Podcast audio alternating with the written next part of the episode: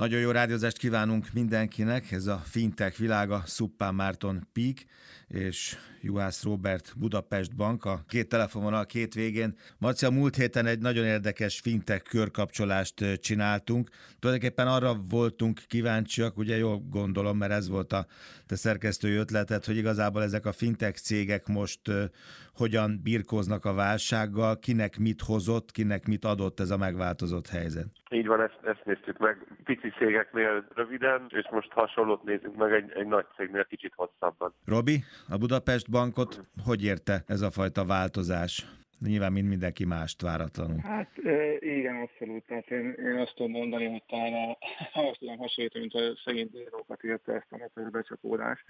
Tehát, hogy senki nem számított rá és uh, szerintem az egész gazdaságot és az egész világot váratlanul érte, nem csak a bankokat, de és pont ezért azt gondolom, hogy nem is a, az előzetes felkészülésre kell itt azt elemeznünk, hanem azt, hogy azután, amikor megtörtént a sztori, akkor milyen irányban indult el a tevékenység, és milyen gyors intézkedések és milyen gyors reakciók történtek. Tehát én azt gondolom, hogy folyamatosan egy ilyen iterációs folyamat zajlik most így a gazdaságban, a bankoknál is, és keresik a jó irányt, hogy hogyan tudnánk ezt úgy megoldani, hogy mindenki igazából a lehető legjobban kerüljön ki ebből, és olyan érdekes aspektusokat hoz fel így ez a ez az iterációs folyamat, és érdekes folyamatok zajlanak szerintem az egész gazdaságban. Marci, azzal egyetértesz, hogy igazából egy ilyen dologra nem lehet felkészülni? Végül is azt gondolom, hogy ez jogos, nem? Kibertámadásra van forgatók, kell, hogy legyen kicsinél nagynál, de ilyen jellegű változása nyilván nem. Ez, ez, ez abszolút így van, tehát ez tipikusan az a, általában nyilván a válságok azok azért okoznak ö, olyan zuhanást, akár tőzsdéken, akár, akár bármilyen más szinten, mert nincs felkészülve rá a világ, és valahogy így, így reagálják zárják le ilyen pánikszerű lefelé mutató irányokkal a, a váratlan, de ez, ez azt gondolom, hogy az eddigi pénzügyi és gazdasági válságokhoz képest egy csomó-csomó olyan, olyan plusz tényezőt hordoz magában, ami, ami, ami egyébként nem csak, hogy váratlanul érte a világot, hanem a mai napig teljes bizonytalanságban tart a világot, az embereket és a, és a gazdasági életet is. Engem az nagyon meglepett a múlt heti műsorban, amikor a kicsi, feltörekvő fintech cégek, akik tényleg azért sikert sikerre halmoznak, és a, abszolút már a, a benszülött generáció, ők is arról számoltak be, hogy nem volt olyan egyszerű, nem volt zöggenőmentes a home office-ra való átállás. Akkor azért ez egy banknál, egy ekkora pénzintézetnél, hát nagyságrendekkel nehezebb feladat, nem Robi? Hát abszolút, és igazából itt nagyon érdekes, hogy ha most a Magyarországon megnézzük a KSH adatait, akkor látjuk, hogy az embereknek alig 3,7%-a dolgozott a vírus előtt távmunkával, tehát borzasztó kevés embernek van ebben gyakorlati tapasztalata. És az a helyzet, hogy sokan azt gondolták, hogy ez technikai kérdés. De, de azt gondolom, hogy nem. Tehát ez a távmunka technikailag ez az csak az alap. Az csak az alap. Az alap. Igen. Így van. És igazából én, én azt hiszem, hogy a, a távmunkának rengeteg olyan extrém körülményei vannak most, hiszen a gyerekek otthon vannak, háztartás, házastárs is otthon van a háztartásban, tehát mindenki egy helyre koncentrálódik, ráadásul itt tényleg mindenki a folyamatos bezártságot éli meg,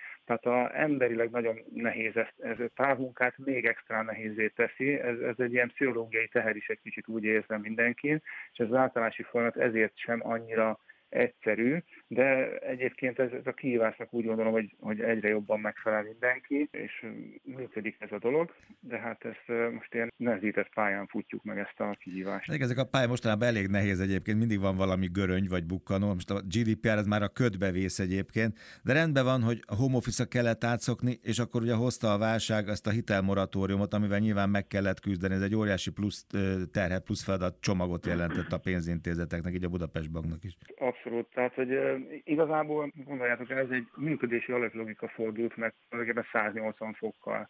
Tehát eddig nézzük, akkor a bankok eddig alaptevékenység a hitelezés természetesen, és a a hosszú-hosszú évek alatt azt csiszolták a bankok, a rendszereket, hogy hogyan menjen a hitelezés igénylés, gözdülékeny legyen automatizált a beszedési folyamat, a behajtási folyamatok, és utána azt mondják, hogy ja, ez akkor nem így történik ezen túl, hanem akkor most ezt fordítsátok meg az egészet, ne szedjék be a rendszerek a tartozásokat, állítsátok le, ezeknek a THM-ét módosítsátok, új termékeket vezessetek be, és ezt ráadásul úgy csináljátok meg borzasztó rövid idő alatt, hogy az ügyfeleknek is abszolút transzparens legyen ez a sztori. Tehát nagyon-nagyon sok mindent kellett hirtelen megoldani, és emiatt És komfortzónán kívülről ráadásul.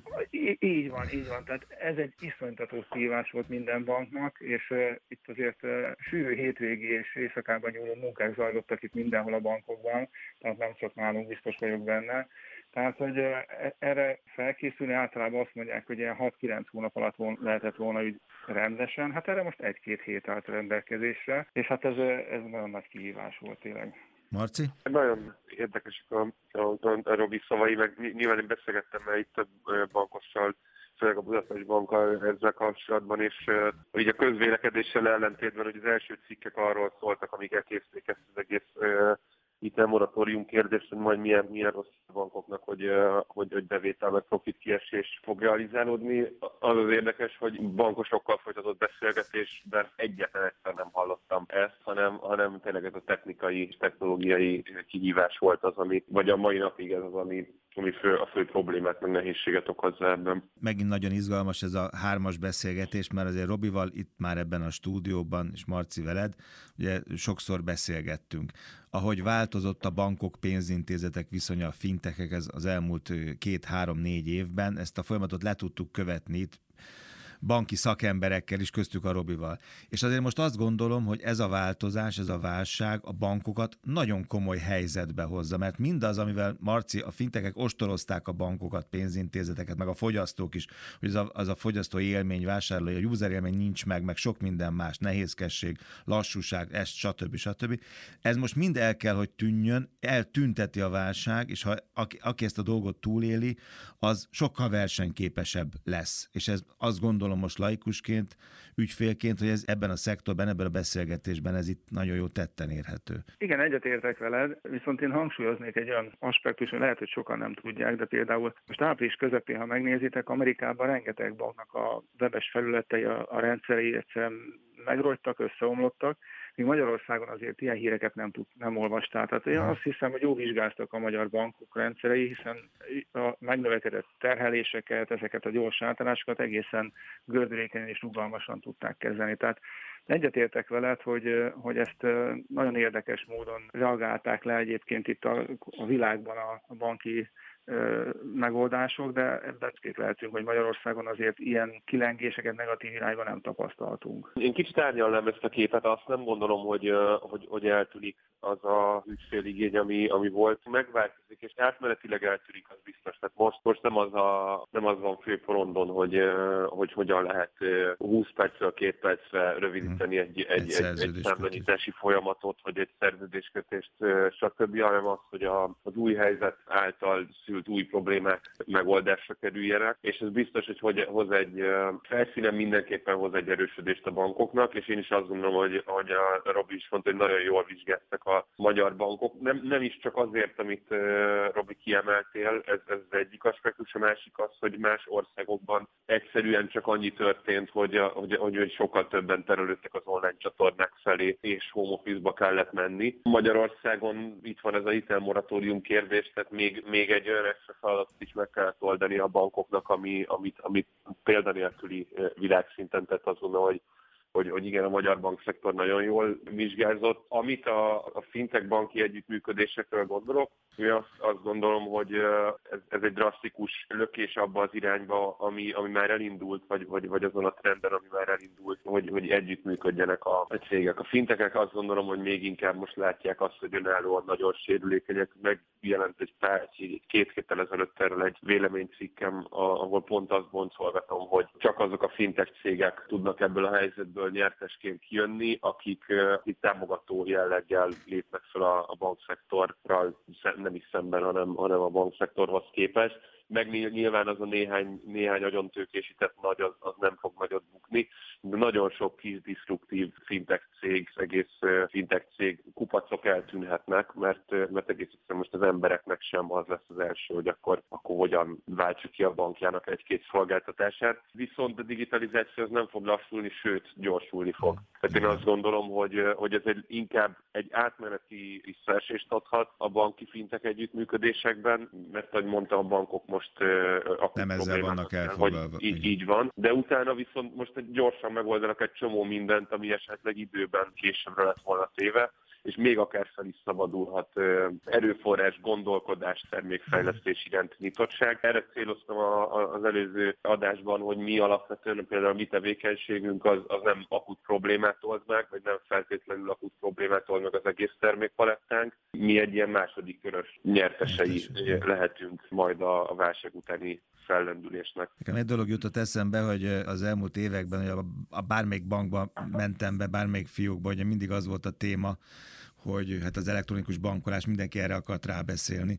Igazából egy óriási lendületet kap most ez a társadalom, ez a magyar társadalom. És azt mondtad, Robi, erre, még a végén erre kíváncsi lennék, hogy, hogy érdekes fejlemények vannak, hogy van olyan dolog, ami, ami titeket is meglepet, amire nem gondoltatok. Világos, hogy egy csomóan home office-ba kerültek, világos, hogy egy csomóan másképp kezdtek el a pénzügyeikkel foglalkozni, de volt olyan reakció, akár edukációs dolog vagy szakasz, vagy ami kimaradt a fejlődéstamból, ami, ami titeket is meglepett, és amire most rea- rugalmasan reagálnak kell a banknak, a Budapest banknak? Én azt, azt hiszem, hogy azért olyan dolog nem volt, ami meglepett. Tehát itt az egyértelmű, hogy ti is mondtad, hogy a bankolási szokások azért változtak, és a fiók látogatások lecsökkentek, míg a e-, e-csatornák használata jelentősen nőtt. Ez, ez, ez minden banknál ez, ez így történt. Pipa. Igazából ami, ami érdekes, és az előző kérdésre visszautalnék egy kicsit, hogy, hogy azért a, ezzel nem oldottunk meg a digitális rész problémát, tehát amiről eddig is sokat beszéltünk, azok még mindig itt vannak az asztalon, és a harmadik szereplőben az egész sztoriban a szabályozó kérdése. Tehát igazából rávilágított ez a elmúlt hét azokra a hiányosságokra, az ügyfél, online ügyfélazonosítás, az elektronikus szerződéskötés, egyszerűen nincs annyi online end folyamat a bankokban, amennyire adott esetben egy ilyen szituációban szükség lenne. Tehát, hogy én azt gondolom, hogy szabályozói kötöttségek mellett fejlesztjük most itt ezeket a online szolgáltatásokat, de itt a szabályozónak is azt gondolom, hogy jelentősen meg fog változni majd a hozzáállása, és rugalmasabb lesz, és ezeket a megoldásokat ők is fogják támogatni. Tehát, hogy én azt gondolom, hogy a digitális megoldások előmozdítása aznak egyik alapfeltétele, a szabályozó is ezt segítse, kevésbé legyünk papírcentrikusak például. Tehát rengeteg olyan dolog van, ami, ami ezt természetesen úgy vettük, hogy igen, a szabályozó előírta, így csináljuk, de látjuk, hogy ilyen környezetben ez nem tud működni. Hogy teljes, most meghaladta az idő. Így, így van, tehát hogy ebben előre kell lépnünk, és szerintem el, el is egy nagyon jó gyakorlati példa volt most az elmúlt pár hét, hogy ezeket a, ez a részproblémákat még hangsúlyosabbá tudja, tudta tenni, és én azt hiszem, hogy ahogy elhangzott a Marci részéről is, ezzel biztos, hogy fognak foglalkozni a szabályozók, a bankok, és az ügyfelek felé is jön majd ez a természetes igény még erősebben, mint eddig. Arra volt idő ebben az időszakban, ebben a nagyon leterhelt időszakban, hogy akár új termékekben gondolkozzatok, amit ez az időszak hívott elő, vagy, vagy életre hívhatna?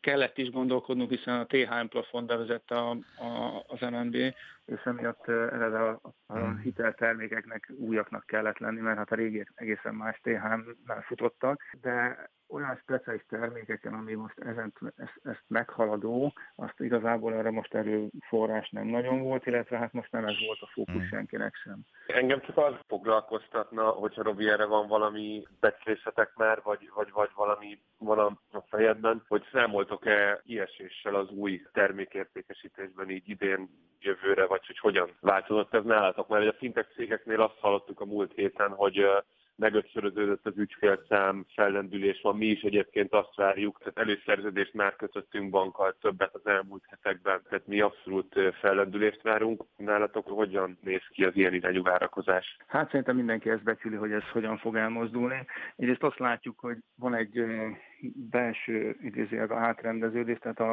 a meglévő ügyfelek rengetegen akarnak online szerződéseket kötni, nem volt egy esetleg internetbankja vagy mobil applikáció elérése, azt most jelentkeznek és igényelnék, és szeretnék távol intézni az ügyeiket. Tehát ez eddig motiválni kellett az ügyfeleket. Igen, most erről beszéltem, azt most ez, már átterhelnek maguktól. Igen, van egy ilyen. A másik az pedig egy külső akvizíció, az egy nagyon jó kérdés hiszen a, a, a fő fegyver a hitelezés, hát az most egy kicsit esik várhatóan. Tehát most mindenki próbálja becsülni, hogy ez hogyan fog majd alakulni. Én személy szerint azt gondolom, hogy bizonyos mértékű visszaeséssel mindenki fog kalkulálni, mert ez szerintem természetszerűek, de, de én nagyon bízom benne, hogy belátható időn belül ez rendeződni fog, és akkor normál és milyen környezetben tudunk gondolkodni ezekről, de biztos, hogy a, a 20-as év az, az ennek a fényébe fog eltenni, hiszen eleve a moratórium is a év végéig szól, jó esetben remélem. Ez az év valószínűleg ennek a élettérbe fog lezajlani mindenkinek, ahol valószínűleg visszaesésekkel kalkulál mindenki, de ez egy nagy kérdés, igen, az onboarding, hogy akkor az ügyfél akvizíció, ez hogyan fog majd működni az elkövetkező időszakban, és biztos, hogy nem ennyire offline fókuszú lesz, mint eddig volt. Nagyon szépen köszönöm munkával ünnepeltetek, Szupán Márton Pík, Juhász Robert Budapest Bank, találkozunk.